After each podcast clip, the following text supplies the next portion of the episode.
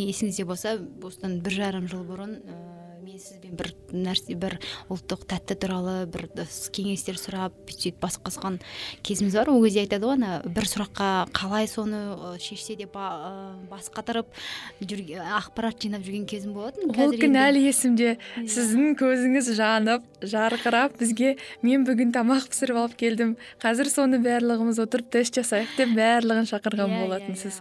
ол тамақтың аты? Ірімшік шымшық болды. Иә сары ірімшік иә. Сары ірімшік болғанда ол ірімшіктің өзі қазақтарда бірнеше ә, түрге бөлінген ғой. Мысалы кептірілген жартылай кептірілген тәттілігіне байланысты сақталуына байланысты иә. Ә, соның бір ғана түрі болды. Басты нәрсе сол кезде туындаған сұрақ. Ол қазақтардың ұлттық тағамдарының қазіргі жағдайға бейімделген ә, түрінің шықпауы. Яғни мысалы біз қазіргі уақытта шайды ішкен кезде сіз көбінесе не қолданасыз? Тәтті пирожный қолданасыз иә? Қант кәмпиттердің неше түрін жейсіз жаңағы пісірілген тәттілер жейсіз. Ыыы содан менде мынандай сұрақ болған. Қазақтың дастарханында күнделікті қолданысында неге ұлттық жаңағы тамақтардың ыыы жоқтығы иә тәттілердің стоп стоп стоп. Әдеттегідей сіздерге жазбаны қойып қоямын да. Ары қарай қонақты кім екенін таныстыруды ұмытып кетем немесе кейінге қалдырып қоямын бұл менің қырсықтығым ба әлде креативтілікті көрсетуімнің бір тұсы ма білмедім. Дегенмен де бүгінгі біздің қонағымызды қарсы алыңыздар. Әлия болатхан әлия сіз кім боласыз? Менің атым әлия болатхан қазақстан республикасының білім және ғылым министрлігіне қарасты тарих институтында ғылыми қызметкер ретінде жұмыс жасаймын. Қазіргі уақытта заманауи қазақстандағы тамақтану дәстүрі және ұлттық бірегейлік деп аталатын ғылыми жоба шеңберінде зерттеу жүргізудемін. Бұл жоба негізінен өткен жылдың тамыз айынан басталды және зерттеу жұмысы үрдісіне отандық ғалымдармен қатар шетелдік әріптестеріміз де қатысады. Мәселен мен көзімді жұмып елестетсем қазақтың дастарханы деп ойласам көзіме тек бауырсақ сүт ірімшік ет содан кейін жайма нан елестейді кітаптарды оқыған кезде көбінесе мысалы абай жолында көбінесе айтады иә қызыл күрең шайды ішіп отырып бауырсақты жеді деп мен сол контексттегі білімім ғана бар мен қаншалықты мысалға қазақ дастарханы кең деген сұраққа жауапты білмеймін бізде тамақ түрі аз болған ба? Әлде жеткілікті болған ба?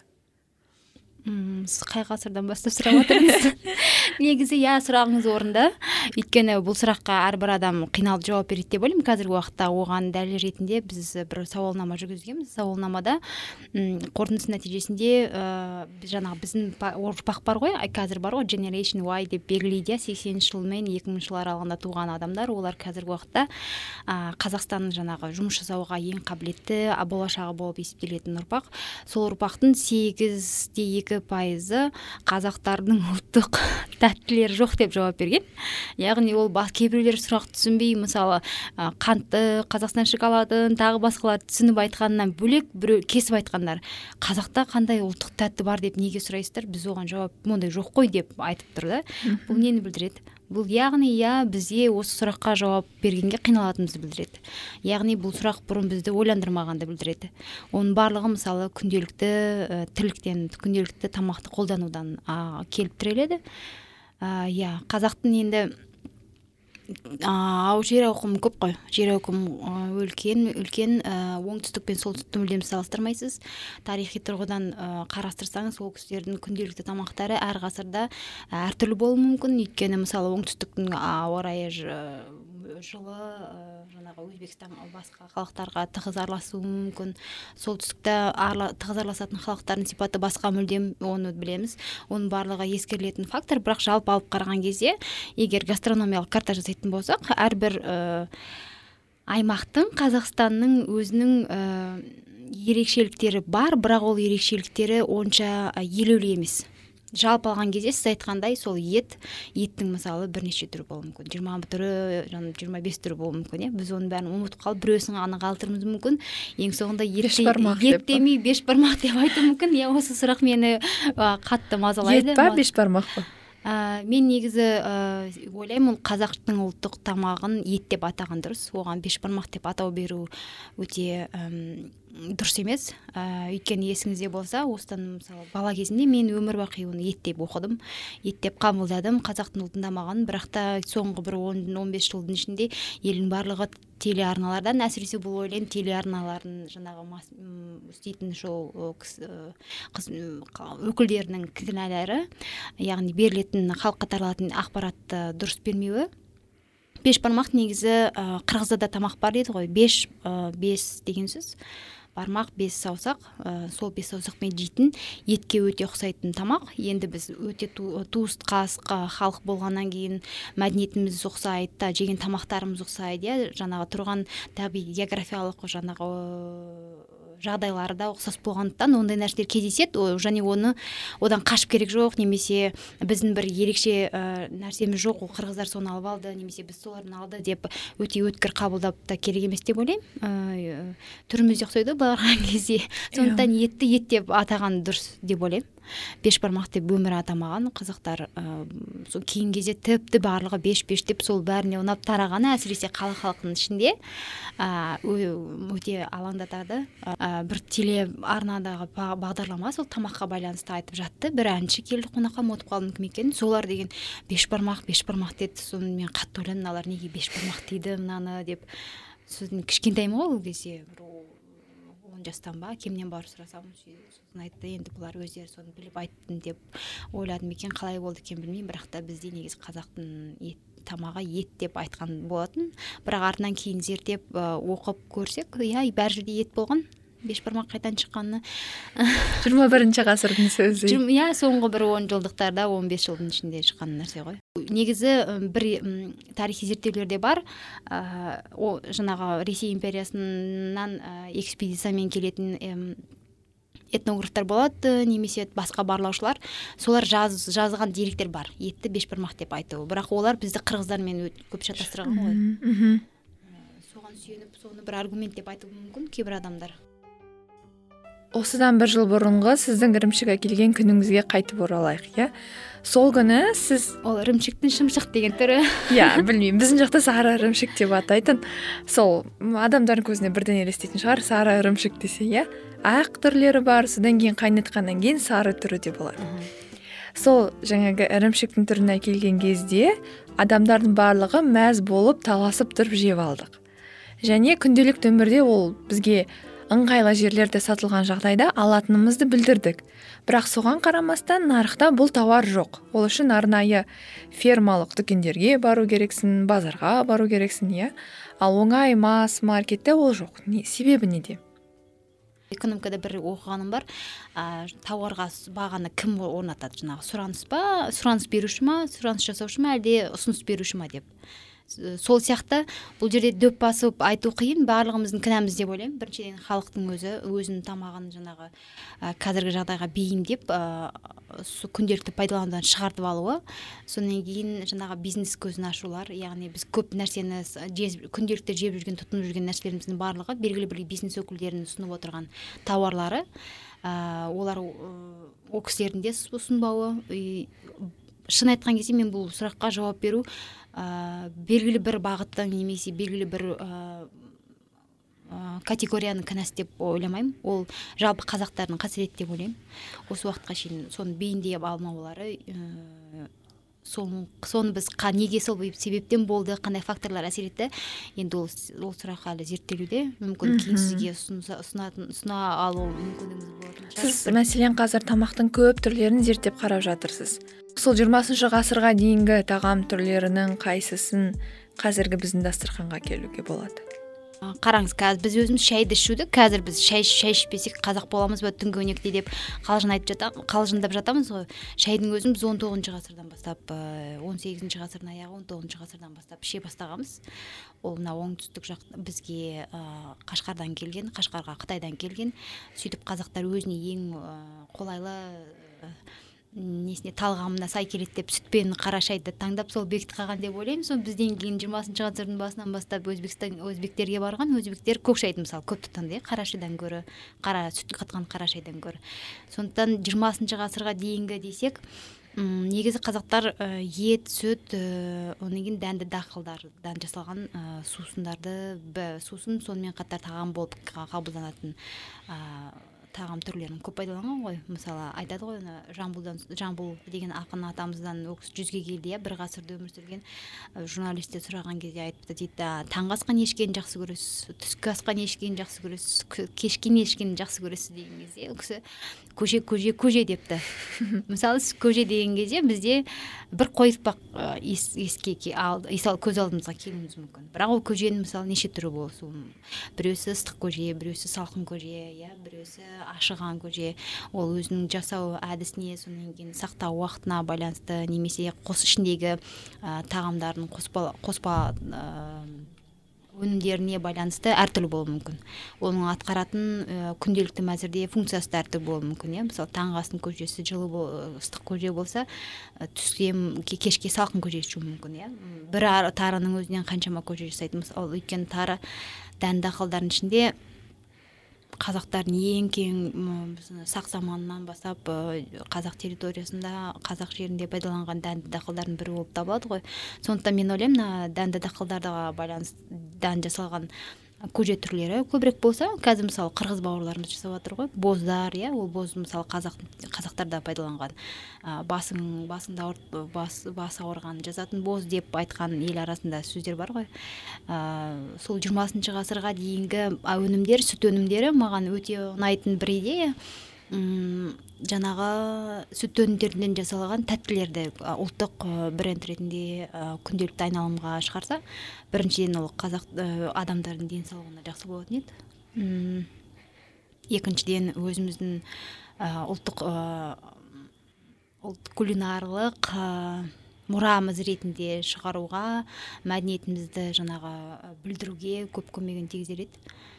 Қаншалықты тағам біздің неліктен біз ол тағамды сақтап қалуымыз керек? Енді не ә, кез келген ел өзі ел болу үшін ә, ұлт ретінде ә, айтады ғой national identity деген нәрсе бар иә. Сіз өзіңізді өзіңіз ұлттық бірегейлігіңіз болады. Ол сізді ұлт ретінде анықтайтын ә, бірнеше факторлар болады. Әрі ол барлық ұлттарға сай иә. Соның ішінде сол бес фактордың ішінде ә, біреусі тіл екіншісі күн жаңағы тамақ ә, күнде ә, кулинарлық мұра дейді ғой. Осы екі нәрсе ә, сіздің күнделікті ә, сол ұлттың өкілі екеніңізді ә, растап соны есіңізге салып отыратын екі нәрсе болып есептеледі. Яғни біз қазақ тілін қолданып оны қолдануды ә, тоқтатсақ ә, біз қазақтығымызды жоғалтамыз деп айтамыз. Ол айқын нәрсе ешкім онымен ә, келіспей келіспей кел, бәрі онымен келіседі деп ойлаймын. Ал тамаққа байланысты ешкім ойланған жоқ. Ә, мен өзім бұрыннан соны ойланадым. Неге біз өзіміздің тарихымыз бай ә, неше ғасырлық ә, жаңағы мәдениетіміз бар соның соны білдіретін бірден бір нәрсе ә, ол соны ұмытпауға ықпал ететін бірден бір нәрсе ол күнде тамақ мәдениеті деп ойлаймын. Ә, мысалы сіз кез келген жерге шетелге барған кезде мен өз басым ә, кез келген ә, таңсық емес ортаға барған кезде ол елдің дастарханын сол елдің ұлттық тамағын та, жеп кетуге жеп көруге міндетті деп ойлаймын. Мысалы иә сіз оның бір ә, ескерткішін көруіңіз мүмкін да қаласына баруыңыз мүмкін киімін кимеуіңіз мүмкін тілін сөйлеуіңіз мүмкін бірақ та міндетті түрде сол тағамын жеп көресіз. Сол арқылы сіз ол мәдениетін танисыз иә. Ә, ал яғни сіз өзіңізге өзгелерге өзгелерге өзіңізді таныту үшін ұлттық тамақтың ұлттық мәдениет тамақ мәдениетінің ә, қажетті деңгейде көрсетілуі ол өте маңызды деп ойлаймын. Өйткені сіздің мәдениетіңізді ол ол халық сол арқылы сол сіздің тамағыңыз арқылы таниды. Тамағыңыз арқылы тамақ ішу дәстүріңізді ә, көру арқылы таниды. Өйткені сіздің тіліңізді сөйлеп көріп, көріп кетпейді ғой. Немесе тарихыңызды оқымауы мүмкін иә? Мхм. Мысалға мексикалықтардың буритосы бар иә? Жапондықтардың сушиі әр елдің бір түріктерден дөнерлер мексикон такосы. Иә. Мексикон такосы сөзіңізді бөлейін мен алдында бір передача көрдім кулинарлық бағытта.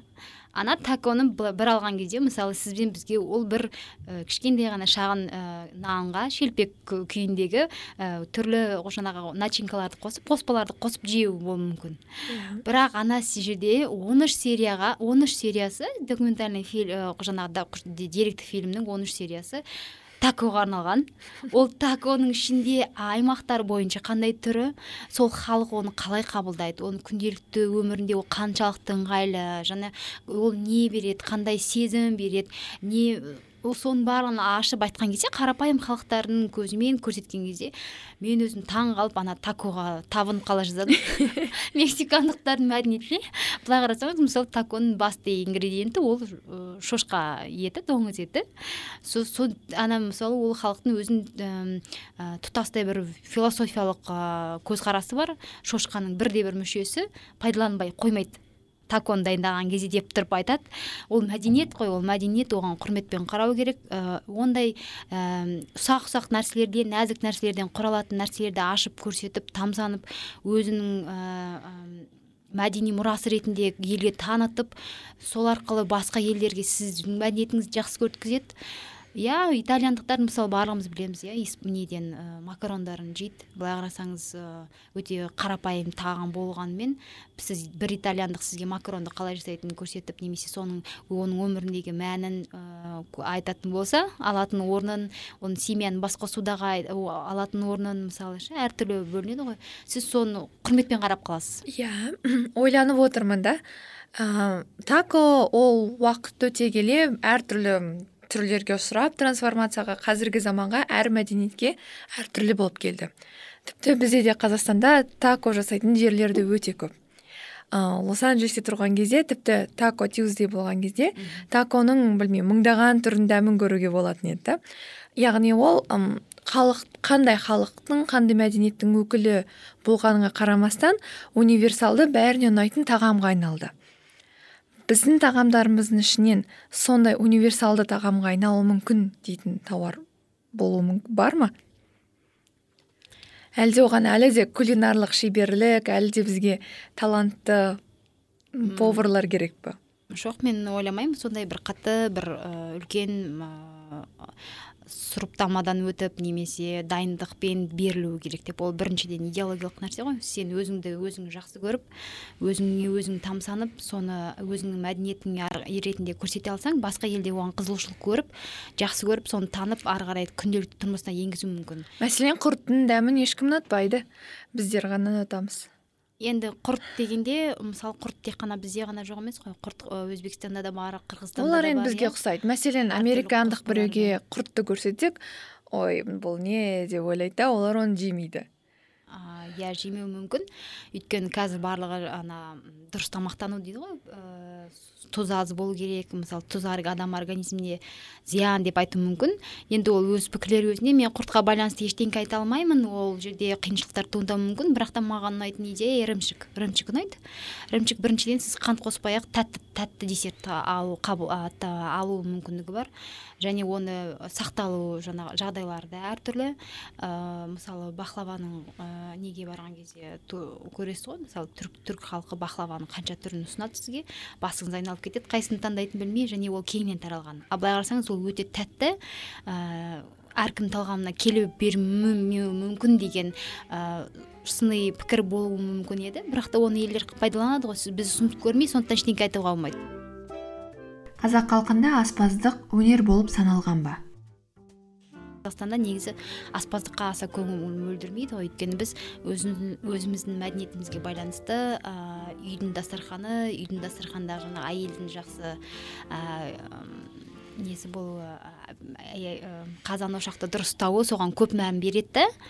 Да сон мына аспаздық мәдениетке мысалы жоғары деңгейде халық оны тұтынып оны бағалау әлі дамымаған деп ойлаймын. Яғни мысалы барлығы аспаз болған ол бір өнер немесе белгілі бір қандай да бір миссиялық несі бар тапсырмасы бар кәсіп ретінде қабылданбайды тек қана тез тез күнделікті өтетін тамақтарды дайындап кетеді болды иә. Ә, соның ішінде ә, мен енді мүлдем аспаздар жоғары деңгейдегі жоқ деп айта алмаймын. Бірақ олардың көбісі шетелдік мектептерден өткен өткеннен кейін мысалы қазақстанда өзінің өзіндік аспап аспаздар мектептері жоқ болғаннан кейін олар сол бағытта кетуі мүмкін иә. Барлығы мысалы француз кухнясына бейімделуі бірен саран ғана болады. Оның барлығы басқа кухняға бейімделсе мысалы соны ұсынса қазақтардың жаңағы ұлттық тамақтарының бейімделіп ұсынылуы жаңа жағдайға ол артта қалып қалуы мүмкін мысалы. Сол себептен бар деп ойлаймын. Екінші екінші жағдай әсер ететін ол бізде бизнесті ашатын көбінесе аспаздардың өздері емес қой. Олар жалдамалы ретінде жұмысқа алынады да. Бизнестің түрін ашатындар олар бізде кәсіп ә, жаңағы бизнесмендер. Ә, ол кісілер ә, негізінен қабылданған жаңағы рисктері аз ә, модельдер жаңағы алуы мүмкін бизнес түрі ретінде. Ә, жаңа бір нәрсені ойлап жаңағы бір философиясы бар ұлттық тамақты бейімдеу немесе тағы басқа нәрсені ұсыну деген нәрселерді ойламауы мүмкін. Аспаздық ол жай ғана қыздың ісі емес. Ол ер адамдарға да қыздарға да барлығына да талантпен де келуі мүмкін уақытпен де келетін өнердің түрі. Біз оған әлі өнердің түрі деп те қарамайтын сияқтымыз. Мен ойлаймын бар иә бар бірең сараң аспаздар бар бірақ жалпы мектеп жоқ жалпы мектеп жоқ. Ә, сонымен қатар қазақтар ә, тамаққа байланысты мысалы ә, жапонияның үлгісінде жапония әлі күнге дейін ә, өзінің ұлттық тамақтарын қазіргі жағдайға бейімделу ырғағын жоғалтып алмас үшін жаңағы импера, премьер министр ма император ма соның деңгейінде ә, толықтай бір департамент істейді. Ол департаментте бірнеше мамандар болуы мүмкін. Ана аспаздық ә, ресторанный критиктерден бастап ә, кәсіби аспаздарға аспаздардан құралған. Солар өздерінің қорытындыларын шығарып отырады. Мысалы қазіргі уақытта мына сушидің мына түрін былай бейімдеуге болады немесе бұны мысалы қазақтарға қалай кіргізуге болады. Қандай да мысалы сушидің атымен кіреді бірақ та қазақтар мына продукт мына өнім түріне өте нәзік сезімтал болғандықтан оны мынаумен өзгертіп әкелуге болады деп иә.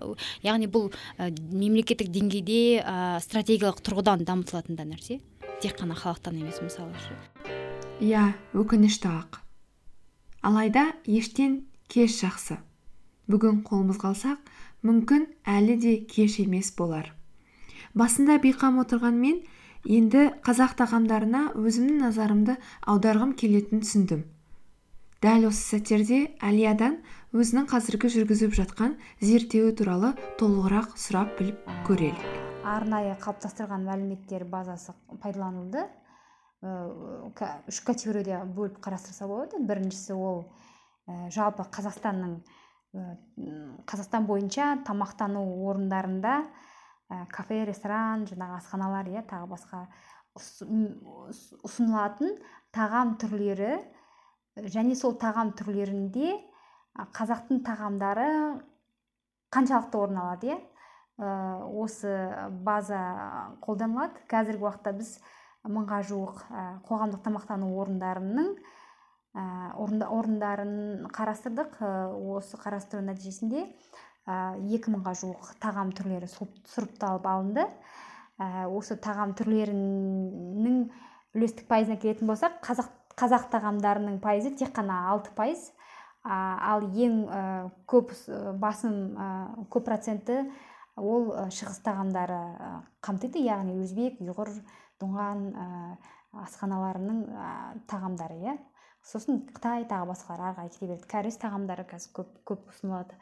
Түрік тағамдары бар.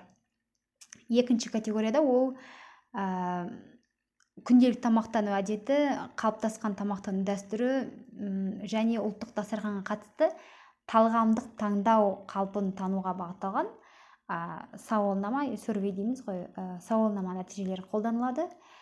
Ә, бұл сауалнама нәтижелерінде мынадай қызықты мәліметтерді келтірсек болады.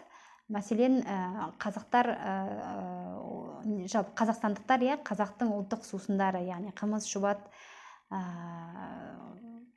сияқты ұлттық сусындарды ә, пайдалану жиілігі ә, той той томалақтармен ғана шектеледі екен. Қазақтар шөп қолданған ба? Қазақтар енді ә, көшпелі көшпелі өмір сүрген халық болғандықтан олар дәнді дақылдарды қолданған көп кеңінен. Сосын ә, мерзімдік шөптер болады ғой. Мысалы тау басында жайлауда өсетін сарымсақтарды аймақтық ерекшелікке байланысты пайдаланып отырған. Енді үнемі түрде үздіксіз пайдалану оның жағдайы болмағандықтан оны ә, кейінгі келген негізі қазақтардың мәдениеті тамақтану мәдениеті туралы жаза бастады. Жазба деректерді біз қай жерден аламыз? Оны біз тек қана ана ресей ә, патшалығы өзі отарлау саясатын кеңінен жүргізу мақсатында ә, жіберілген экспедициялардың қорытындыларынан иә барлау жаңағы есептерінен ала аламыз. Оғанға дейінгі мәліметтерді мысалы біз тек қана ауызекі әдебиеттер немесе бірен саран елшілер келіп сол туралы солар біз туралы жазған мәліметтерден ғана алуымыз мүмкін. Бірақ та мен айтайын дегенім қазақтар тек қана ет жеген тек қана сүт ішкен деген нәрсеге мен мүлдем келіспеймін. Өйткені бұл өте тар көзқарас тұрғысынан айтылған. Мысалы ә, сіз білесіз мерзімдік иә? Ауыл шаруа көш жалпы көшпелі өмір малға байланысты сүт тартылатын кезеңде сіз осы уақытқа дейін ішіп жүрген айраныңызды сол деңгейде ішу мүмкіндігінен айырыласыз. Өйткені жаппай сиырларыңыз сүті тартылады. Сол уақытта сіз мысалы көжеге көшесіз дәнді дақылдардан шыққан немесе кептірілген бір белгілі бір ә, дайындаған сол уақытқа ә, тағамдарыңызды пайдалана бастайсыз. Ол әртүрлі болуы мүмкін. Ә, шөпке байланысты отырықшы енді жаппай бұқаралық басқа елдермен салыстырғанда қазіргі деңгейде мысалы шөп шаламдарды пайдаланған жоқ. Бірақ та біз он тоғызыншы жиырмасыншы ғасырдан бастап бірте бірте отырықшылыққа ауысқаннан кейін біз жаңа түрлерін иә бейімдей игере бастадық оны қолдана бастадық. Ол біздің жерімізде өзіміз тұрған жерімізде өсетін шөп шалам болса оны пайдалану неге пайдаланбасқа? Және оны пайдалануды неге ұлттыққа айналдырмасқа? Өйткені сіз басқа жақтан алып келіп жатқан жоқпыз ғой. Біз мен авокадоны әкеліп қазақтардың ұлттық тамағына айналдыру керек рецептіне қосу керек десем ол орынсыз болуы мүмкін. Енді өзімде өскен мысалы шөп шаламды қолданып соны бір екі ингредиенттерді тамағымның мәзірін әртүрлі түрлендіруге қолдансам неге оны ұлттықтан ұлттықтық сипатты жояды деп қабылдау керек. Бізде басты кемшілік сол деп ойлаймын. Ұлттықтың барлығы ә, ең жақсы деп қабылданады да. Нағыз бұл ет емес нағыз бұл қазақтың нәрсесі емес деп бірдеңе болса бір мүлдем сынай нәрсе айтып кетуі мүмкін. Бірақ неге сіз қазіргі жағдайларды ескеріп өзіңіздің мәзірімізді түрлендіріп ә, бірақ та сол тағамдарды жалпы мағынасын сақтап қалмасқа жалпы мәзір жаңағы дайындалу әзірлеу технологиясын сақтап қалмасқа. Енді бұл ұзақ сөзді бірақ та айналаға қарасаңыз фаст, фуд ретінде ә, закуска ретінде мысалы пирожки орыстың иә өзбектің самсасы сосын түріктің донері ә, немесе ә, супқа күнделікті асханаларда ұсынылатын сол рассольник борщ ә, тағы не тағы да суптар болуы мүмкін. Ә, негізгі тамаққа котлета жейміз ә, бризол жейміз. Мысалы бұл қолжетімді асханаларда ұсынылатын мәзірлер иә. Мысалы стейк жейміз. Е, сол бір ет айналдырып келген ә, ет нан ә, дәнді дақылдар сол бір тағам тағамдық негіздегі ә, әзірленетін нәрселер. Бірақ та біз атаған кезде басқаша атаймыз иә? Мысалы бәліш дедіңіз ба? Бізде бүктіме деген нәрсе болған иә? Оны жиырмасыншы ғасырда қазақтар кеңінен сөйтіп атаған.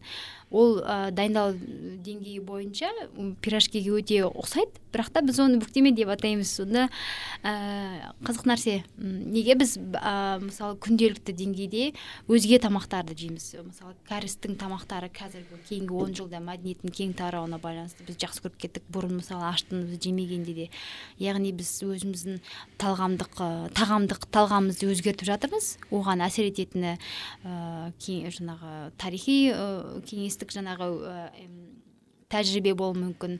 Жаһандану өзінің орнын алады иә. Жаңағы модернизация бар тағы да. Ол бірақ та біз соның барлығын ескеріп ойлану керек сияқтымыз. Қазіргі енді сондай сұрақтар.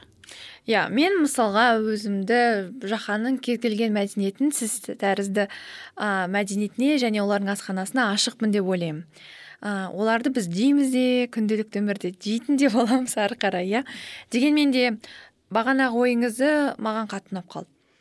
Бізге кейде шынайы қазақ шынайы қазақ тағамы өткен бір екі жыл бұрын төрт жүз жыл бұрын бес жыл бұрын болған сияқты. Ал біз басқа біреу сияқтымыз да қазақ болуымыз керек деп қайта қайта айта береміз да шын мәнінде біз де қазақ мәдениетінің бір бөлігіміз. Сіз мен иә демек біз олардың тамағын ары қарай түрлендіріп жаңа түрге әкелсек қазіргі заманның ерекшелігіне жылдамдығына байланысты. Ол біздің де мәдениетке қосқан үлесіміз ғой ол да ары қарай жылжиды ғой дамиды. Бізбен бірге қарай өтеді. бейімдеу иә. Енді тілдің өзінде сіз мысалы мұрағатқа барыңыз. Жиырма мың тоғыз жүз елуінші жылдардағы журналистердің жасаған ә, сұхбаттарын немесе репортаждарын алып тыңдаңыз. Қазақ тілінің мүлдем басқа екенін ә, мүлдем басқа болғанда бір ә, айтылу бойынша ә, сөз саптаулары бойынша қазіргі біздің қазақ тілден ерекшелігі бар екенін ескере байқайсыз иә. Енді сол нәрсені неге біз мысалы тамаққа қолданып соны қабылдамаймыз? Біз бүйтеміз не нағыз қазақтың нәрсесін алып кел не алып келме? Ортасында нәрсе жоқ сияқты. Ә, сол сол нәрсені қайтадан ойлау керек сияқтымыз. Менің өз жеке пікірім. Өйткені иә сіз айтқандай ә, жаңа жағдайға бейімделсек мысалы ә, енді қайтадан жаңғыртуға болады да өзінің ә, санасын ұлт ретінде ә, сол тағамның аталуы баяғыдан бар екенін мысалы соны қолдануды қаншалықты пайдалы. Негізі қазақтың ә, тамақта тағамдары мен ойлаймын қазіргі уақытта науқан болып жатыр ғой ә, дұрыс тамақтану деген иә? Әсіресе батыста таза тамақтану қоспасыз там қантсыз тұзсыз дейді көптеген рецепттерді ә, бейімдесе оңай бейімделеді деп ойлаймын. Және жасалу бойынша технологиялары ә, қол тиімді болып шығуы мүмкін. Әлия жалпы бұл тақырыпқа қалай қызыға бастадыңыз? Ә, тамаққа қызыққаным сол сол экспедиция жүрген кезде біз жеті жыл экспедицияларға шығып қазақтың ауылдарында жүрдік қой. Сол кезде мен ойлайтынмын қазақтың нағыз мәдениетін ұстап тұрған ауыл деп. Сол ауылдан аламын деп. Ол кезде жаспын онша білімім де жоқ. Сөйтіп ауылдан күткен нәрсем көп болды бірақ ауылға барған кезде ә, шынайы нәрсе мүлдем басқа болып шықты. Тамақтану мысалы сіз айттыңыз ғой күнделікті тамақтану әдеттері қандай? Ауылда мен ойладым ет сүт күнде жаңағы қазақтың неше түрі әртүрлі дайындалған тағамдары ана қаймақ ә, сапырып отырған апалар жаңағы киіз жасайды бәрі жиналып алып деп жүрсем ондай ештеңе қалмаған. Тамақтану әдеттері мүлдем өзгеріп кеткен. Мысалы таңертеңгі уақытта қаймақпен қазан жаппаймен қазақтың тары ботқасынан жасаған тамаға тағам әзірін ешкімнің үйінен көрген жоқпын. Барлығы сондай қызық иә. Негізі қазақтарда тамақтану мәдениеті қызық. Өйткені бізде мысалы та, таңғы ас ішу мәдениеті қалыптаспаған деп ойлаймын. Қалып бұрын болса да біз оны жоғалтып алғанбыз. Өйткені қазіргі уақытта қызық нәрсе мысалы сіз таңғы асты жүйелі түрде ішесіз бе өз басыңыз? Соңғы кездері әдетке айналдырып жүрмін. Соңғы кезде сіз әдетке айналдырып жүрсіз өйткені yeah. Иә. соның мәнін түсіндіңіз иә? Иә. Оның қаншалықты маңызды екенін түсіндіңіз. Иә. Бірақ мен мысалы әлі күнге дейін айтамын өзім осы бағытта жүргенімен мен таңғы асқа көп мән бермеймін. Таңғы ас ішу мәдениеті кейінгі кезде қоғамдық тамақтану орындарында кішкене іске кірістіріп жүр. Завтрактар беру тағы басқа деген науқандар. Бірақ та жалпы таңғы асқа біз қазақтар немқұрайлы қараймыз ба кеше иә немқұрайлы қарап кешеден қалған тамақты жейді екен. Енді бұны мен өзім шығарып айтқан жоқпын айтып отырған жоқпын. Ә, сол зерттеу барысында жүргізген ә, сауалнамалар мен сұхбаттар негізінде анықталды. М айтады не бар соны жеймін дейді. Шай шай міндетті түрде ішеді. Сол шайға не жейтіні ол үйде не бар екеніне байланысты.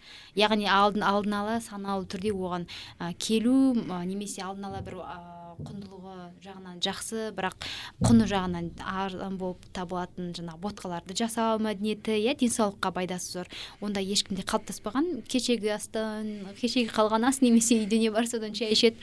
Ә, бұл де бір қызық нәрсе.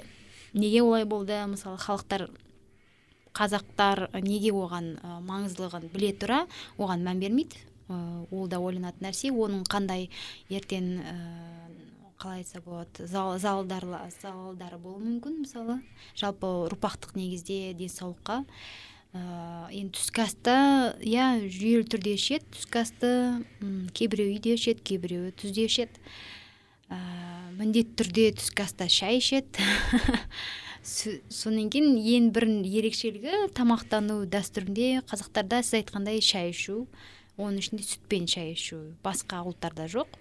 Енді ойлаймын оны бір дәстүр ретінде қалыптасқанын қарастыруға болады. Өйткені бірнеше ғасырлық тарихы бар. Біз оған тікелей өзіміздің күнделікті тұрмысымызда ерекше мән береміз. Негізгі ә, кешкі аста иә кешкі аста кешкі аста білмеймін енді ол күнделікті меню қазақтардың күнделікті ас мәзірлерін қарастыру өте қиын. Өйткені біз көбінесе қонақ күткен кездегі ас ерекше мән береміз. Соған күшімізді жұмсаймыз қаражатымызды жұмсаймыз жиған тергенімізді жұмсаймыз. Күнделікті өмірде соны келесі бір мейрамға дайындалған қалыпта жүретін сияқты. Ол да бір алаңдататын нәрсе.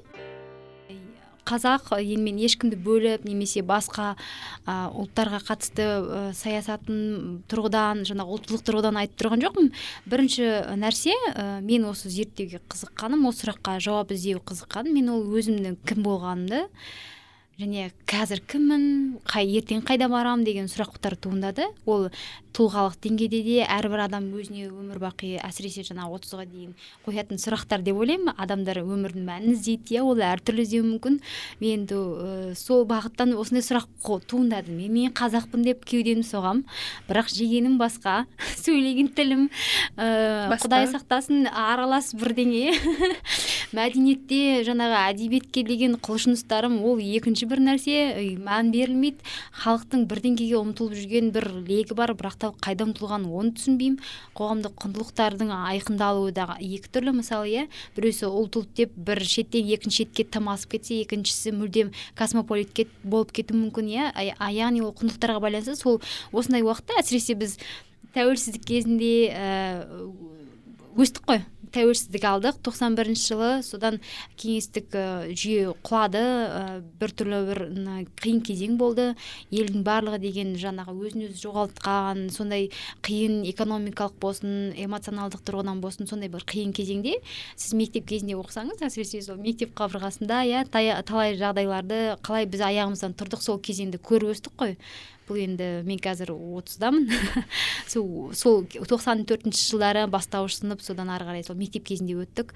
Ә, ойлаймын осы тәуелсіз кезін бастан өзінен кейін ә, дүниеге келген ұрпақ үшін әсіресе маңызды нәрсе ол өзінің кім екенін түсіну өте маңызды. Өйткені біздің алдымыздағы ұрпақ олар ә, кеңестік кезеңде өмір сүрді. Содан кейін олар өздерінің ә, бір жаңағы сана сезімдері сол басқа бір жүйеде қалыптасты. Ә, одан кейін үлкен жаңа қалыптасқан тұлға болды. Енді ол кісілер туралы ештеңе айта алмаймын бірақ мен үшін өте маңызды болды да. Тәуелсіздіктен кейінгі дүниеге келіп сол кезде өсіп өзімді қазақпын деп басымды көтеріп айтатын ә, адамын соны айтып жүрдім бірақ та мен сол сөзде мысалы қазақ деген кім? Негізі ол несімен қазақ болып жаңағы анықталады деген сұрақ болды. Соған ә, ең бірінші нәрсе басқа жаққа барған кезде бағана айтып кеттім ғой сізге ә, басқа мәдениетті мен тамағы арқылы там, дәстүр арқылы таныдым. Ә, содан кейін ойладым қазақстанға келсе шетелдің азаматтары мен қайда барып шоу көрсетсем болады қазақтың ұлттық тамақтарынан нені шоу көрсетпесем де мысалы кез келген нәрсені дұрыс көрсете алмасаң қазіргі уақытта иә. Ол ә, сенің жаңағы түбіңде жүрегіңде жатқан философияңды ешкім түсініп кетпеуі мүмкін. Өйткені ол кісілердің уақыттары аз болуы мүмкін. Соған байланысты сондай сұрақ болды. Сол сұраққа жауап іздеу негізінде осындай бір ә, қызық тақырыпқа жолықтық. Енді қазіргі уақытта ол үрдіс үстінде зерттелуі ә, бірақ та көптеген сұрақтарға бір жауаптардың айқындалуы бір кішкене бір жүрегіңе ә, бір жеңілдік берді. Өйткені ә, қазірдің өзінде мысалы бізде әлі кеш емес ә, біз қолдан келгенді ұсына аламыз. Әркім бұл жерде өзінің міндетін атқара алады. Яғни бұл жерде тек қана бір ғалымдарға немесе аспазға аспазшыларға немесе ә, бизнесмендерге бизнесмендер не entrepreneur кім иә бизнесмен жарайды жоқ бизнесмендер олар ақша жасайтын адамдар. Кәсіпкерлер. Кәсіпкерлер иә кәсіпкерлер олар белгілі бір өзінің ә, ісін ақша жасауға айналдырады да а бизнесмендер олар бір ақша жасау үшін бір нәрсені қолдануы мүмкін иә. Мен сөйтіп түсінемін. Сондықтан белгілі бір категорияға ғана жауапкершілікті іліп қоймай барлығымыз ойлануымыз керек. Асханада эксперименттер жасайық. Иә негізі жақсы жақсы идеялар бар. Сол эксперименттерді жасасақ соған бұқа жаппай бүкіл ел болып жаңағы қосылса соны сөйтіп бірлесе өзіміздің өткенімізді танысақ сөйтіп ол ол білімімізді қолданып болашаққа жаңағы айтады ғой бағдарымызды анықтасақ жалпы айтқан кезде ә, жақсы болады деп ойлаймын. Сондықтан иә айтатыным осы әзірге. Жақсы. Кейін сіздің зерттеу жұмысыңызды қайдан оқи аламыз? Ә, зерттеу жұмысын негізі біз белгілі бір үлкен жоба ретінде дайындап ә, екі категорияда дайындаймыз. Біреусі тек қана таза ә, ғылым бағытында мақала ретінде шығу керек. Шетелдік басылымға дайындап жатырмыз қазіргі уақытта. Бізде қазір ә, белгілі бір ғылыми ә, дәрежеде жазылған ғылыми жұмыс ретінде дәрежесі бар бір журналдарда анықталған ә, жарияланса оның сапасы жоғары деп есептеледі. Соған мақсат құрып жатырмыз. Екіншісі ол ә, ғылыми жаңағы научно популярный дейді ғой. Ә, яғни бұқараға арналған ә, ғылыми негізде жасалынған ә, жоба болады. Ол ә, деректі фильмдер негізінде шығады. Тамаша тамаша. Ол бірақ тек қана жарты жылдан кейін болады. Біз күтеміз. Рахмет. Сәттілік тілеймін. Көп рахмет. Сіздің осы соңғы бір жылдан бері тамаққа деген қызығушылығыңыздың қалай өсіп эволюцияланып жатқандығын көріп жүрмін. Рахмет. жай ғана сөз жүзінде айтып қана қоймай кейін барып ірімшікті жасап келген. Одан кейінгі ғылыми зерттеуге айналысып жатқан ол өте тамаша. Шынымен де ғылым үлкен сүйіспеншіліктен қызығушылықтан туады деп білем. Қызығушылығыңыз бен сүйіспеншілігіңіз одан ары артып энергияңыз көп болып барлығымыз бірігіп өзіміздің кім екенімізді кім екендігімізді анықтап денсаулығы зор мықты ұрпақ болайық. Әмин рахмет сізге көп көп. Сізге рахмет. Бүгін бізде қонақта болған әлия болатхан. Тыңдағандарыңызға көп көп рахмет. Келесі кездескенше. Сен